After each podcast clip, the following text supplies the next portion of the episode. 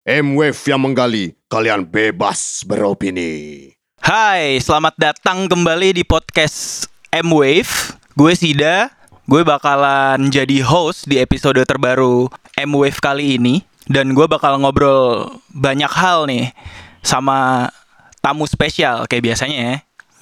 Tapi sebelum lanjut ngobrol, eh, gue mau ngasih tahu buat lo yang baru pertama dengerin podcast ini atau yang belum follow M-Wave, lo bisa follow dan subscribe di eh, Spotify, Apple Music atau ke websitenya langsung m5.id.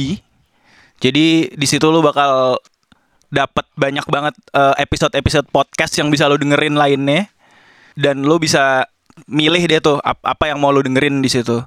Cuman untuk kali ini hari ini nih eh gue bakalan ngobrol sama yang gue bilang tadi ada tamu spesial, ada teman-teman dari band namanya Afat. Yoi, halo guys. Halo. Hai. Halo. Selamat siang. Itu baru semprot-semprot disinfektan ya? Enggak, parfum. Parfum ya. Pantesan jadi wangi nih. Gue kira dupa gitu. Jadi ini kalau ngomongin soal scene extreme metal atau extreme hardcore lokal, khususnya selama 10 tahun terakhir, sebenarnya buat gue banyak banget nama baru yang muncul dan eh, mereka semua ngasih banyak hal yang bikin eh scene-nya vibrant banget nih. Dan Afat ini menurut gue adalah salah satu yang eh, masuk kategori itu. Mereka produktif banget ngeluarin banyak rilisan dari single, split, terus EP sampai album nih. Dan sekarang mereka bakalan ngerilis double single ya. Ini mereka udah ngepromo ini jauh-jauh hari. Eh, mereka udah bikin banyak konten di sebenarnya di YouTube soal proses pembuatannya dan singlenya itu mereka kasih nama Velo the Say sama Hallowed Ground. Jadi, kenapa memilih untuk ngerilis dua single sih sebenarnya? Ya kalau yang ini sih sebenarnya karena waktu itu sih ada lagunya ada dua aja sih. Terus kalau misalnya dikeluarin satu-satu kayaknya agak sayang karena yang apa kan maksudnya bisa dibilang lagunya juga nggak panjang-panjang amat gitu loh istilahnya. Nanti Hmm. takutnya kalau misalnya dikeluarin satu doang eh ya orang yang dengerinnya jadi nggak terlalu puas aja makanya eh, dikeluarinnya sebagai maxi single gitu jadi kayak side A side B gitulah Oke, tapi sebenarnya materi dua lagu ini si Velo the Say ini sama Hallowed Ground eh kalian bikinnya eh, dekat setelah kalian rilis EP Ava Rights terakhir atau semuanya tuh kalau kalau Hallowed Ground sih kayaknya tuh waktu itu Yuda udah ngasih draftnya tuh sekitar 2017. 2017. Frame-nya 2017. Frame 2017 cuma Oke. waktu itu belum berhasil kekulik kelar banget pas EP terakhir kan. Sebenarnya kalau mungkin mungkin kalau pertanyaan awal lo kan kenapa sih sistem cara ngerilisnya kayak gini gitu. Iya, iya. Mungkin lebih ke momentum saat itu aja kali. Kayak waktu itu kayak waktu itu kenapa EP gara-gara di momentum itu lagunya lagi kumpul segini. Soalnya kita juga nggak pernah mau album gara-gara kalau kita cuma ditabung terus dipiritnya berdasarkan eh, ke planet banget gitu. Jadi kayak jadi nggak nggak nggak reflect mood saat itu mungkin kali. ya. Oke, oke. Ni- Niatnya mungkin apa yang di apa yang bang lagu atau yang ada saat itu lebih ngerefleksiin mood saat itu kali. Terus kalau misalnya disimpan untuk uh, album tapi albumnya ngetok kapan gitu-gitu jadi malah ribet sendiri jadinya. Jadi emang biar langsung fresh Ah, aja ya. Tapi fresh. selama ini yang dilakukan Afat memang seperti itukah kayak gitu. Kayak waktu itu mungkin dulu awal kita pernah rekaman langsung lima lagu tapi kita split jadi tiga EP, dua split. Mungkin gimana ya? Gak pernah diniatin lah kayak gitu ya jadinya ter- terjadi dengan organik seperti itu kali. ya. Oke, oke. Tapi dari tadi gua ngobrol, gue lupa deh yang datang di studio, gue belum nyebutin namanya satu-satu nih. Jadi kita kembali ke perkenalan. Ini ada ini ada sebenarnya mereka datang berlima nih lengkap banget. Ini ada Insan, terus ada Ekrik, ada Indra, ada Ray dan ada Yuda. Jadi lu bakal dengerin guys. lu bakal dengerin mereka semua eh, ngomong nih ngebahas si Velo DC sama Hallowed Ground itu tadi. Oke balik lagi emang berarti eh, kalian memang lebih suka untuk merilis yang eh, apa ya, yang rep- represent mood saat itu gitu. Sebenarnya em, itu di Dan- satu sisi sih menurut gua tapi Oke. emang tapi emang dari awal eh, kita udah kayak apa sih namanya janjian gitu kalau si Afat ini emang nggak akan bikin album sih menurut eh, ya kita udah udah udah sepakat itulah. Oke, kenapa? Karena menurut gua album itu dari track 1 sampai track terakhirnya itu harus nyambung harus satu konsep harus ya emang nggak harus tapi itu itu kayak menurut gua aja gitu loh. Maksudnya personal preference gua tuh kalau album tuh harus kayak gitu moodnya sama uh, track listingnya juga kayak nyambung bla bla segala macam dan kayaknya untuk mikirin kayak gitu gua udah males duluan ah udahlah Iya, iya. kita single aja terus uh, sama kayak split split uh, sama band-band lain gitu-gitu sih Oke, oke, oke. Mungkin waktu 2000 li- 2015 kita pernah dalam satu eh, record store day langsung ngeluarin eh, EP sama split sama Disfair, Disfair. Di Sphere ya. Kayak tahun depannya lagi di momentum yang sama di eh, record store day kita juga langsung bareng tuh EP lagi sama sama single gitu. Nah itu nggak pernah diniatin kayak eh harus nih momentum ini deadline nih ngasih tapi kayak eh, dengan lifestyle masing-masing dengan background pekerjaan masing-masing jadi kayak dapetnya mungkin ya jadi kayak gitu gitu. Asalnya Oke. kan di upcomingnya di tahun berikutnya kayak 2017 bener-bener nggak ngeluarin apa-apa sama sekali. Oke, ya, Harusnya ya. di mana semuanya lagi kayak baru pada mulai jalan bisnis sendiri apa gimana gitu. Oke.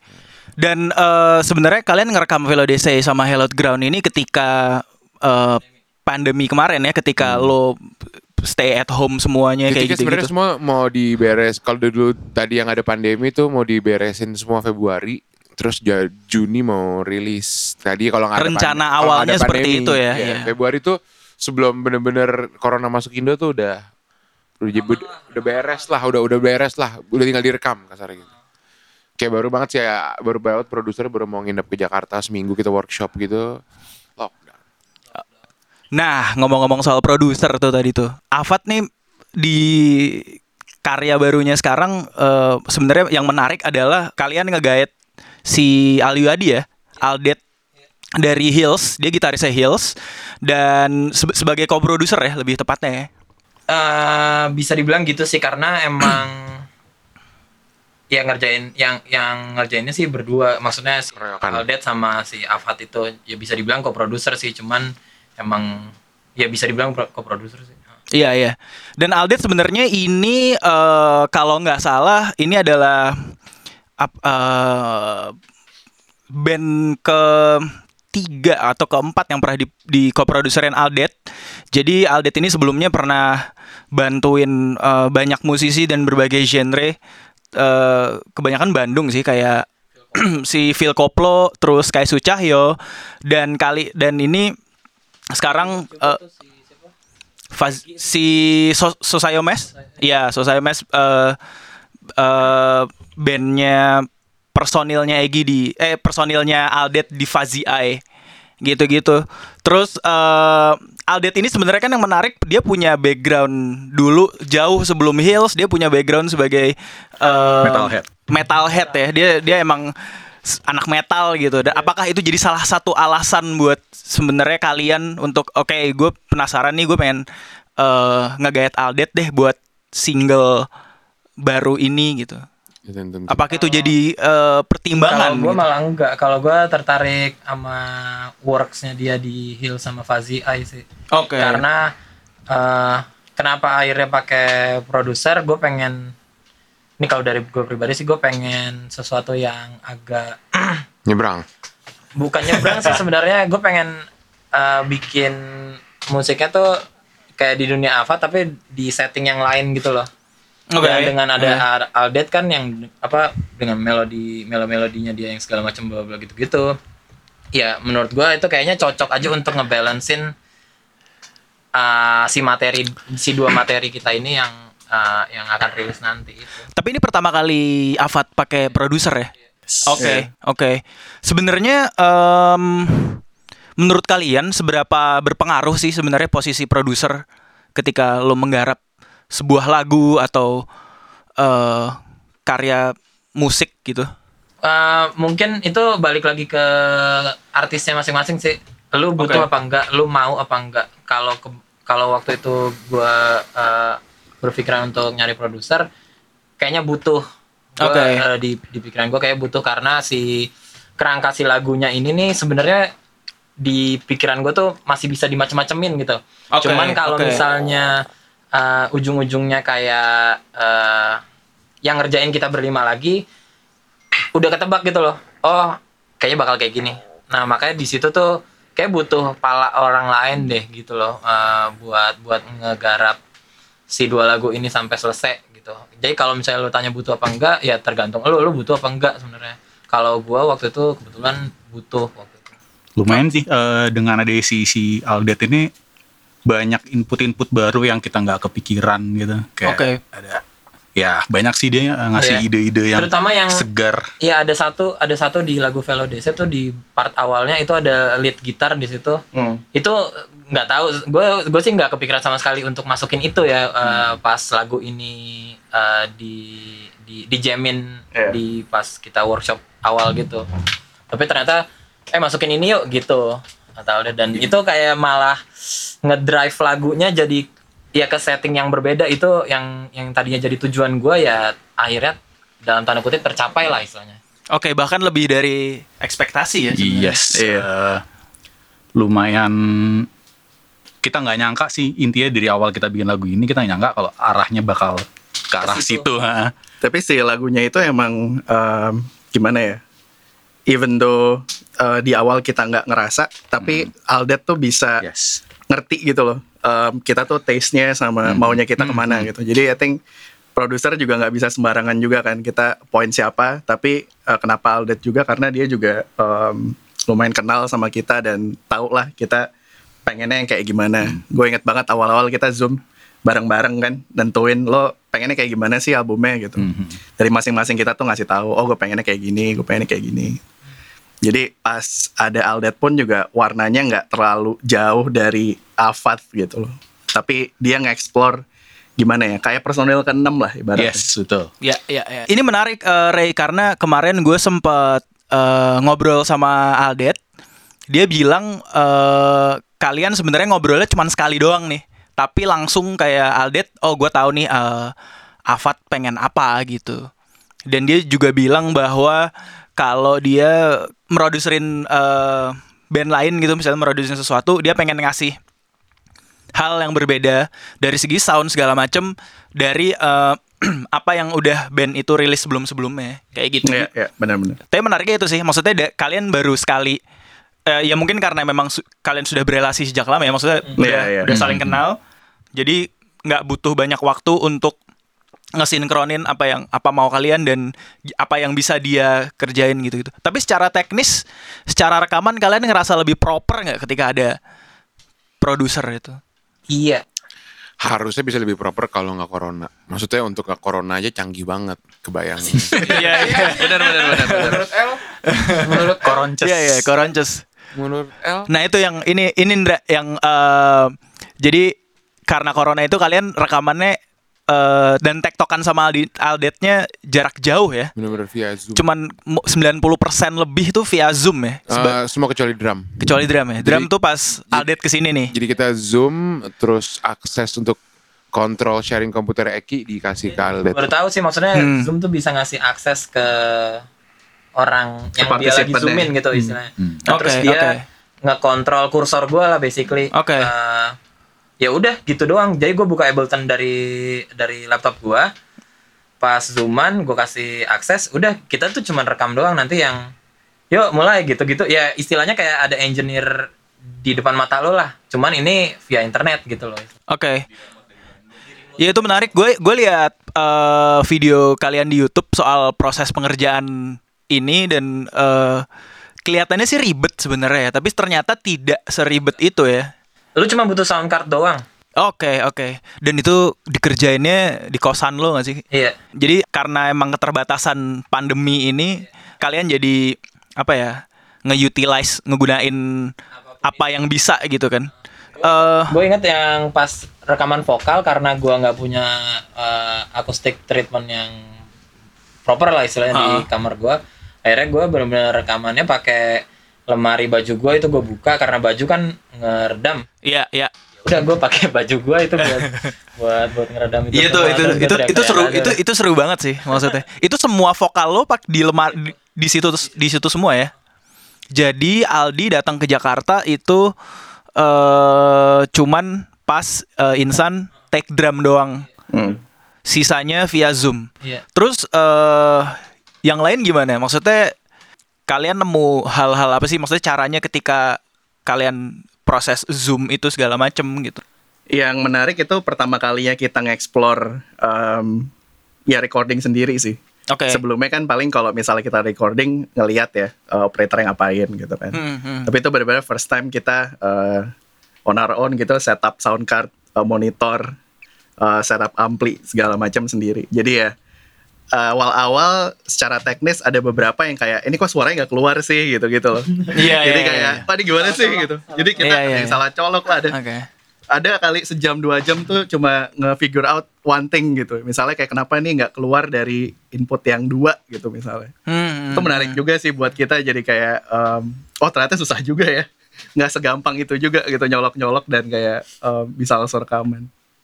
Oke, jadi emang kayak akhirnya malah justru ngebuka kemungkinan-kemungkinan baru untuk eh, rekaman sebenarnya. Iya, Kayak gitu.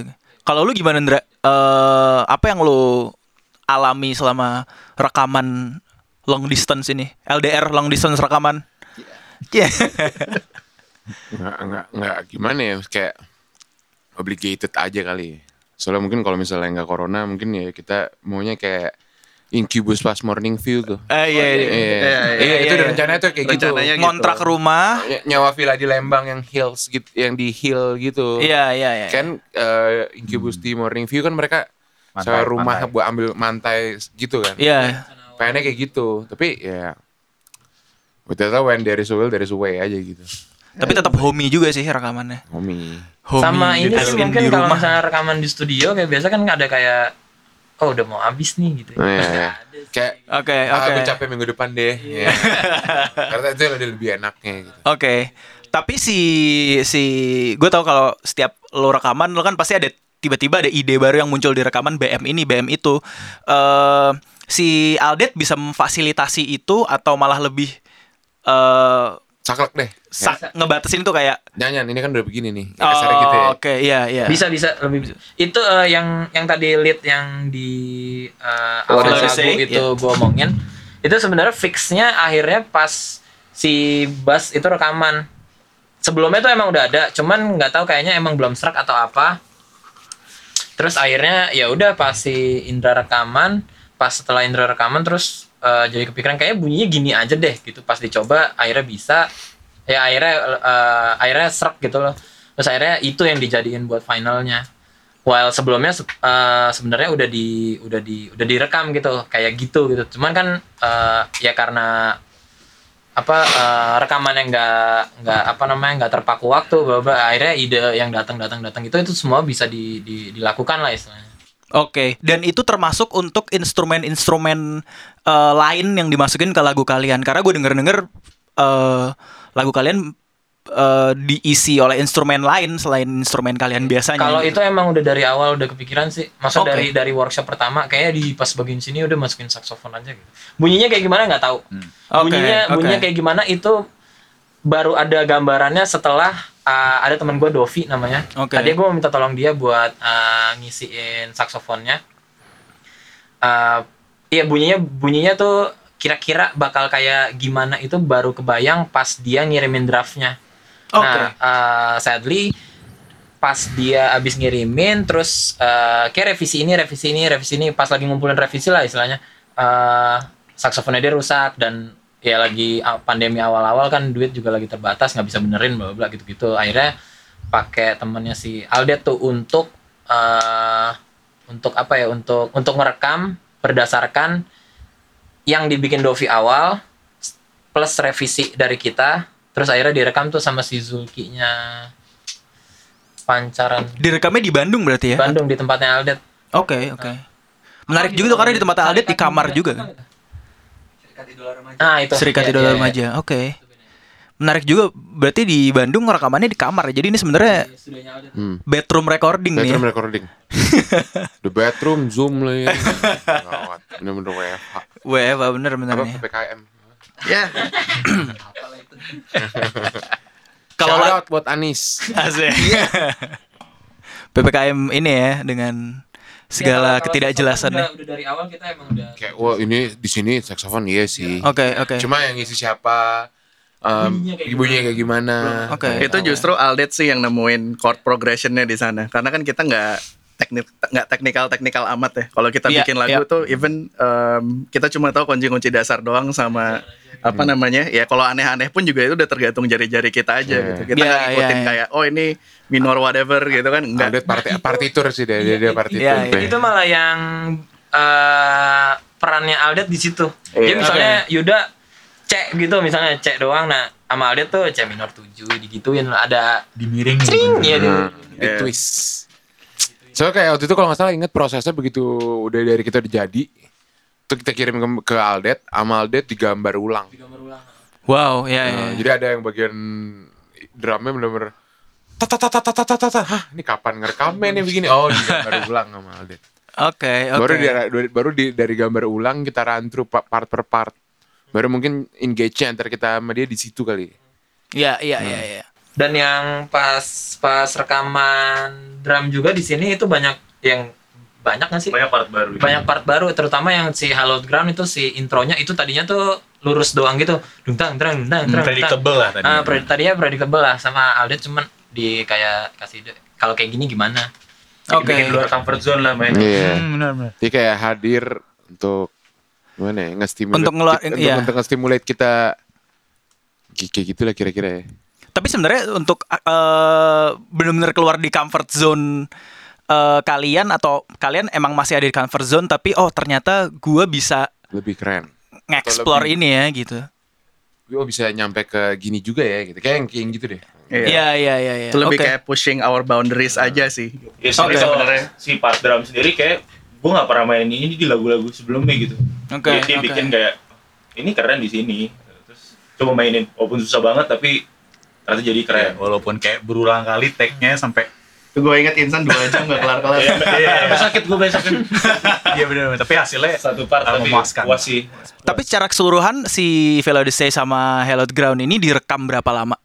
Di- eh, back and forth bolak-balik via Zoom segala macem. Weekly itu berapa ya? Dua bulan ya? Eh, sebenarnya berapa lamanya nggak tahu karena kita tuh biasanya ngerjainnya di weekend Oke. kalau misalnya weekdays itu biasanya gue malam-malam kadang-kadang suka kayak eh zooman yuk gitu doang dengerin kayak gimana bla bla ya taktokan lah sama Aldetnya Hmm. kalau di sini masukin ini gimana ya gini terus atau kayak waktu itu kepikirannya eh synthesizernya masukin chordnya kayak gini yuk gitu gitu Hmm, hmm, kalau untuk tektokan diskusi gitu weekdays mungkin bisa kayak dua kali seminggu gitu ya tapi kalau untuk rekamannya emang pasti di weekend sih karena emang eh, kesibukan masing-masing kan Hmm, hmm. Nah, gitu. Nah kalau di runut berapa lamanya nggak tahu deh soalnya banyak yang kayak ah minggu depan aja deh. Setahu gue ra- ra- around around Dua, tiga bulan lah. ra- Around awal Juni sampai akhir Juli sih harusnya. Maksudnya di momen itu. Iya dua tiga bulan. Oke, oke. Tapi tadi menarik tuh eh, ngomongin soal pattern drumnya Insan di Hallowed Ground. Dengerin aja kali ya. Boleh. Gue Boleh, boleh, boleh. pengen dengerin nih. Ini, ini lagu.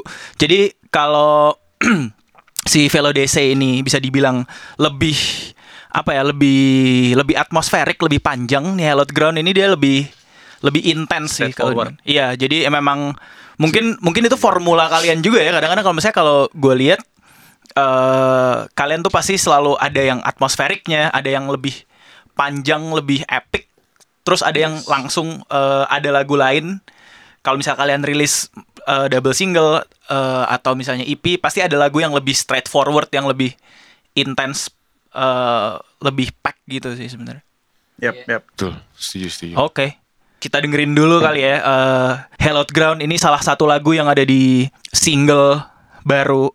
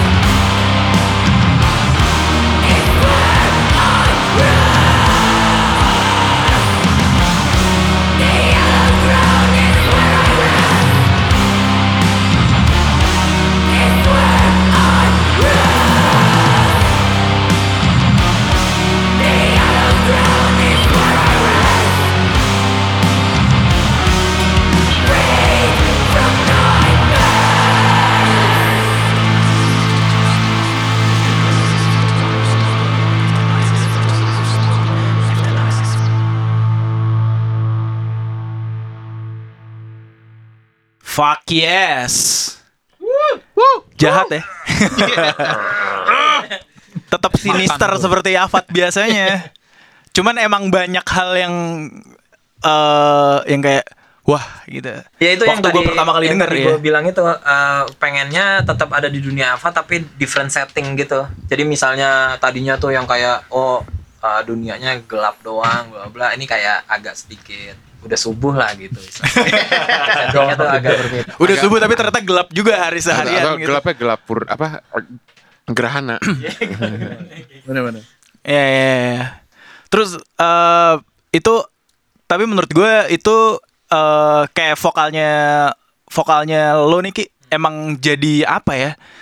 eh raw gitu maksudnya jadi lumayan meruang tapi apa ya? em, ja- nggak jauh sih. Ya agak agak reverb itu agak reverby sebenarnya gitu-gitu. ini sih maksudnya eh, kalau untuk vokal gue pengen belajar dari yang si The Avatar Rights kemarin yang EP kemarin Oke, itu oke. itu problem orang-orang apa terlalu Hmm. kecil orang bilangnya katanya Eh, terus katanya terlalu reverby katanya Hmm, hmm. ya udah eh, kalau vokal kan gue tuh emang pengennya yang bukan yang straight gitu loh Iya, iya. gue pengennya yang ada Iya. ngawang di atas yang kayak emang ini ngebalut si the whole lagunya gitu Iya, ya iya, udah iya. uh, tinggal di iniin aja tinggal diperbaiki dari kemarin si Avatar Rights uh, problemnya orang apa terus ya udah direkam uh, direkam di mixingnya kayak gitu sekarang Oke oke.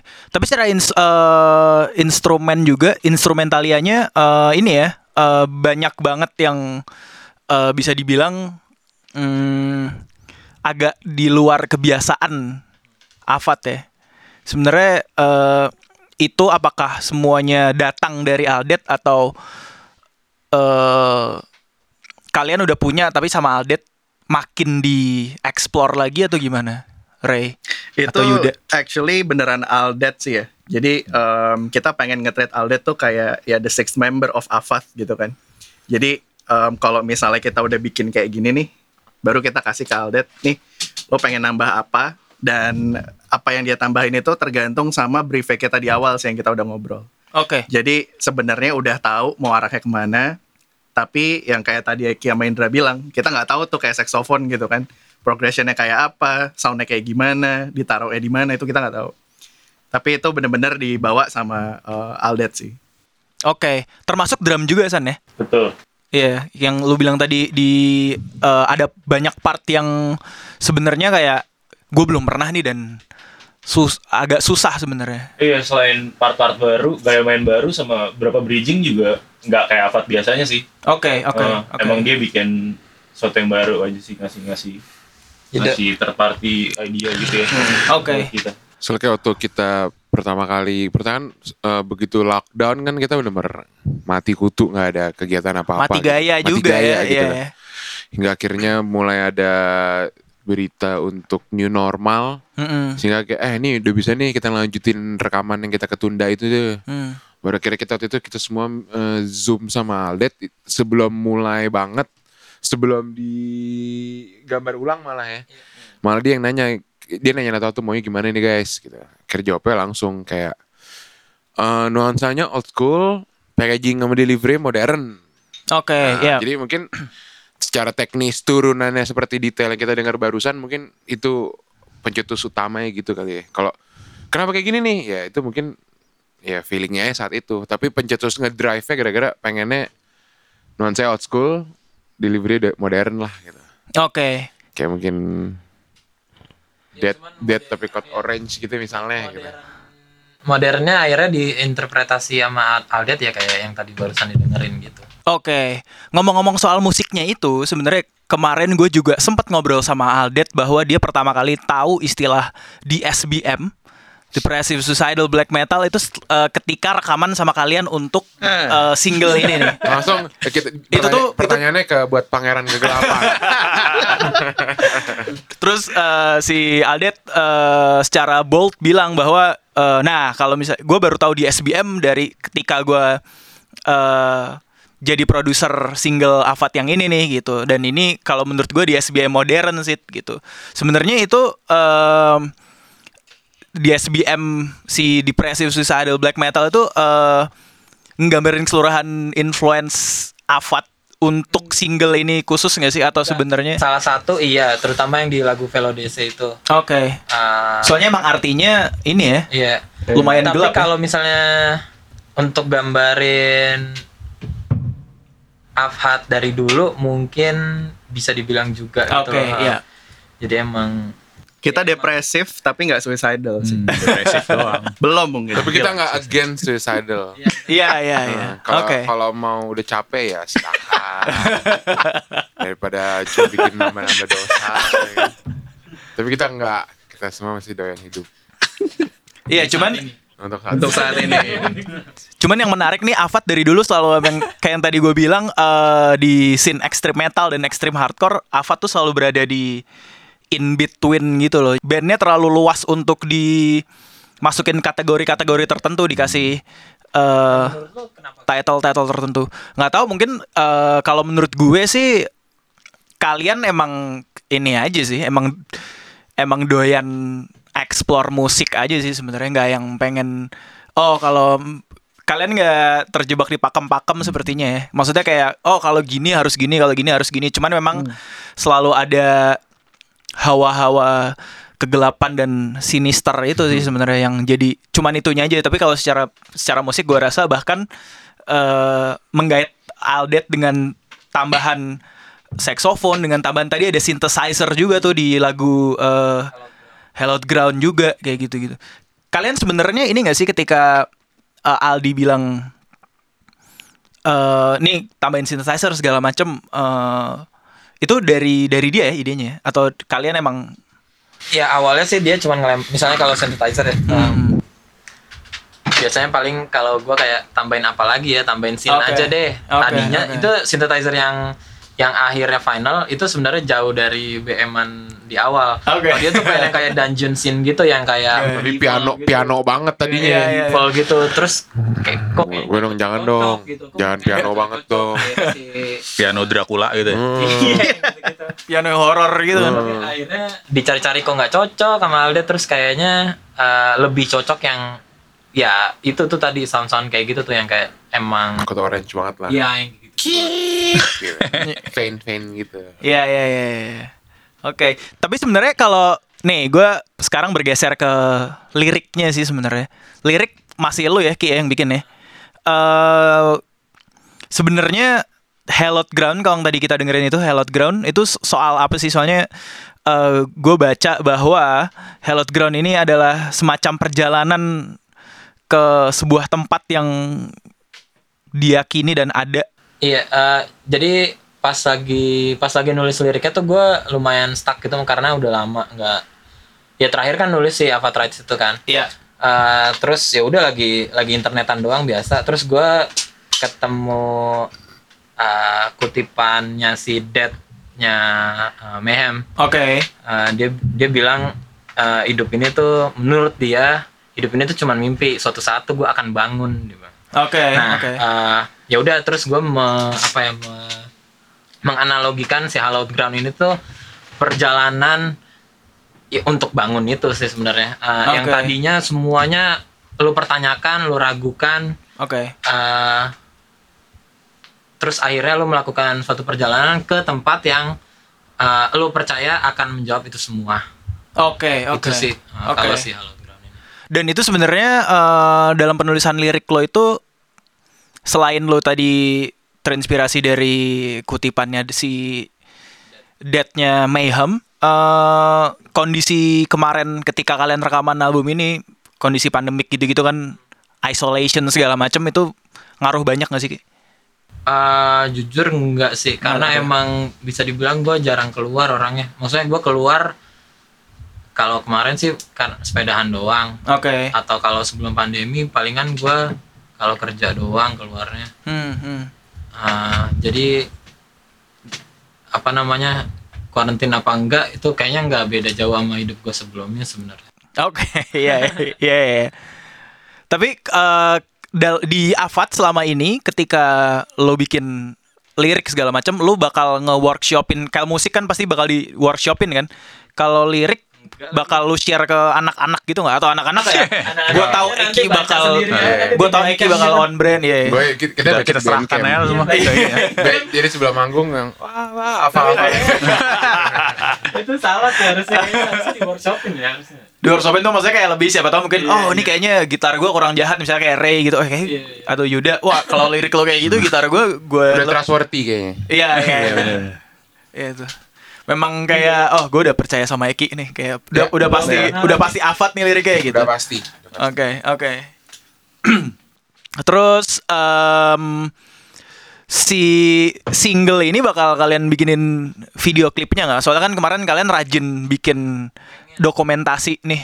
pengen si Velodese pengen si Halogram juga pengen cuman eh, kayaknya yang udah kebayang bakal kayak gimana tuh si Velodese cuman emang ya namanya band ini ya band mandiri gitu ya lagi nyari duitnya dulu kepikirannya udah kayak gimana direkturnya Iya. siapa udah tahu Iya. syutingnya Oke. di mana Modelnya siapa? Model siapa tuh udah tahu udah udah tinggal duit doang Udah ada udah ada visi ke sananya udah, ya. udah, udah. Oke, Kalau oke. untuk Budget. Velodese ya, kalau untuk Hallowed Ground eh, belum belum belum ada kepikiran kayak gimana gitu-gitu. Oke. Terus yang menarik lagi buat gue adalah eh, ini rilisan kalian yang pertama kali artworknya pakai foto band. Iya. Iya nggak sih? Soalnya Iya, sebelum sebelumnya Iya, artwork kalau nggak ada foto tapi itu foto foto yang benar-benar gitu. Iya foto eh, foto dari fotografer mah karya foto yang Iya, lebih apa yang lebih art gitu dan Iya. sekarang kalian mutusin untuk eh, memakai eh, foto band kalian sendiri Iya. gitu. Eh, Sebenarnya ada alasan tertentu nggak sih? Atau kalian kayak ini saatnya muka-muka kita nongol nih gitu. Kalau itu waktu itu Kayaknya udah saatnya. gue gue ada ada satu graphic designer namanya Bradley Pinkerton. Oke. gue follow di Instagram. Nah Hmm. ternyata tuh dia kemarin yang ngerjain uh, graphic desainnya si Harry Styles yang Fine Line itu. Oke, oke. Itu kan fotonya fish eye itu. Iya, iya. Nah abis album itu keluar kalau nggak salah dua atau tiga bulan setelahnya Fox ngeluarin tuh yang fish eye album covers. Iya. Ah, pas di situ anjing keren juga ya. Gue liat iya. Rolling Stones. Iya. ah eh banyak lah istilahnya. Smashing Pumpkins tuh Iya yang makanya banyak. ya. Keren juga ya. Terus ah, pengen deh gue akhirnya gue tanya-tanya si Smith ada ah, teman gue. Siapa yang punya fish eye tapi yang full frame gitu? Wah gak ada lagi susah nih. Gue ada sih tapi lensa fish eye. Yaudah deh, boleh deh. Nanti ah, kalau misalnya gue mau foto band, ah, apa namanya ah, fotoin ya gitu. Iya. Nah terus pas ke sini sini kok kayaknya lagunya it, la- apa dua dua materi itu kok eh, akan lebih cocok kalau misalnya emang ya artworknya itu kita sendiri gitu. Dan nature fish eye itu kan sesuatu distorted kan? Iya, Maksudnya iya. lensanya itu nah ini sih nggak tahu kalau gua ngegambarinnya yang tadinya orang bakal mikir oh Afat bakal kayak gini lagi nih paling musiknya Hmm, hmm. Nah itu tuh kayak nggak distort semua persepsinya lah istilahnya. Oke. Uh, Oke. uh, ya, uh, ya ini simbolnya simbolnya dengan dengan si foto fish eye itu sesuatu yang distorted. Terus yang maksudnya kalau band metal kan album metal kan agak jarang ya kalau Iya. misalnya foto band. Bi- Iya. Biasanya kan hip hop. Biasanya atau buat pop. inside sleeve-nya kan kalau Iya. foto band gitu. Biasanya kan hip hop atau pop atau pop gitu ya. Iya. Uh, ya udah sekalian aja di distort persepsinya. Pakai aja muka kita sendiri sebagai artworknya gitu. Tapi emang seru sih kita ngambil referensi dari hal-hal yang di luar kebiasaan punk atau metal itu sendiri sih kayak Iya, misalnya iya, dari ya, Harry Styles atau apa Smashing Gue Pumpkins. suka banget dari Styles. Tapi Iya, iya, iya. bahkan artwork itu juga udah foto kalian aja, nggak ada nggak ada eh, tulisan apa pun gitu. Jujur Tapi itu pertama, menarik buat gue ya. jujur pertama kali pas foto itu gue nggak tahu kalau itu bakal jadi cover. Gue kira kayak dalamnya gitu, dalam sleeve ternyata oh cover. Ya keren juga sih untungnya. Ya buat apa udah selama pandemi olahraga terus bos. Buat cover. buat cover. Tapi ini bakal dirilis fisik atau gitu nggak sih? Eh, eh, akan ada fisik kaset. Oke, Nanti akan kerja sama berita angkasa. Jadi bundle bundle pack gitu deh. Oke. Pengen sih gue vinilin cuma katanya marketnya lagi lesu. Asik. Sebenarnya Sekarang based on market ya, Andre? Iya. sebenarnya Ya kepikiran kalau nggak ada keluar duit gitu. Lalu Indra siap sebenarnya invest. kepikiran kepikiran covernya tuh akan ada apalah tipografinya gitu. Cuman eh, sifatnya tuh buat jadi stiker doang nanti di Oke. di sleeve plastiknya itu. Iya. Jadi si pas lu robek si plastiknya ya tetap foto doang. Oke. Jadi dia kayak di, di Hmm, iya. jadi kayak stikernya di sleeve gitu. Iya, Sleeve di plastik ya, di plastik ya. Plastik ya, plastik beningnya si, si CD itu misalnya. Oke, ya, Baru ya. di situ tulisan stiker yang ngebentuk fontnya gitu. Jadi kalau Hmm. jadi pada dasarnya polos emang tuh foto. Jadi kalau nggak mau Outer sleeve bukan kalau sih nggak mau si logonya Iya, ini hilang, stikernya eh plastiknya jangan copot. Hmm. Iya. Dengerin aja Spotify aja. Desainnya juga udah ada jadi kalau ada yang mau invest ya buat Iya. vinilnya ya. Iya. Panggilan terhadap para investor Jadi gue udah mau, mau banget vinyl cuma kayak jangan dulu ndak lagi gini. lagi lesu ya. Oke. Oke, em, terakhir nih eh, kalau ngomongin Afat kayaknya nggak afdol kalau ngomongin hal-hal yang bau- berbau ritual nih ya. Sebenarnya gue mau nanya ke tiap-tiap ke setiap dari kalian eh sebenarnya kalau dengerin ketika nanti ini rilis kalau dengerin si Velo The Say sama Hallowed Ground ini cocoknya ritual apa nih buat ketika lo dengerin ini?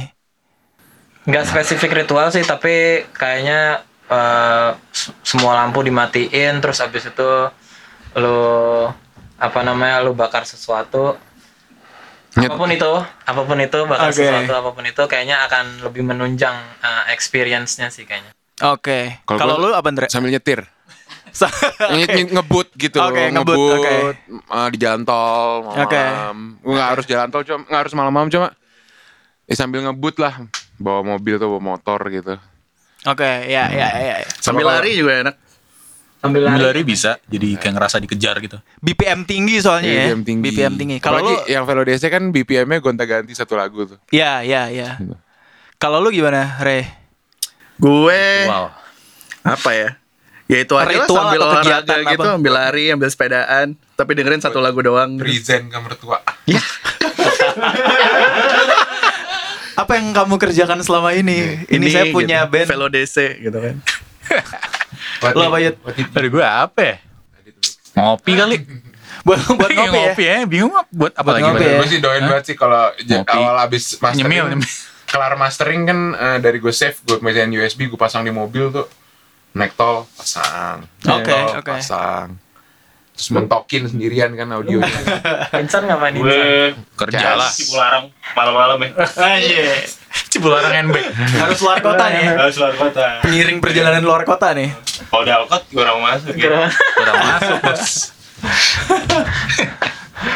Oke, em, kayaknya kalau ngobrol sama Afat sebenarnya bisa seharian, cuman eh, gua harus menyudahi obrolan ini. Jadi ntar lu dengerin aja ketika single ini udah rilis nih, Velo Desai sama Hallowed Ground eh, bakal ada di semua ini ya platform digital ya platform digital. ya. Lu bakal eksklusif rilis di mana gitu nggak Ki?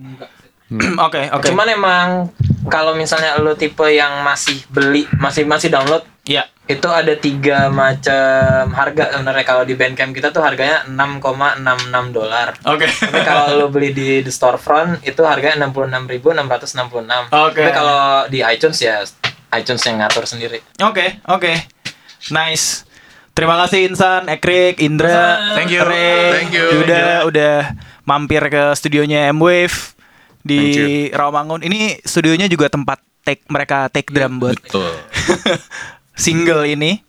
Eh sekali lagi gue mau eh, ngajak kalian buat follow dan sub- subscribe M-Wave baik di Spotify, di eh, Apple Music atau di webnya langsung di m5.id. Jadi lu bisa selain lu bisa dengerin em, banyak siaran-siaran podcast dengan berbagai topik, eh, lu juga bisa dapat banyak hal di situ. eh, topik apa pun itu. Jadi gue mau pamit dulu nih. Sampai ketemu di episode M Wave selanjutnya ya. Deh.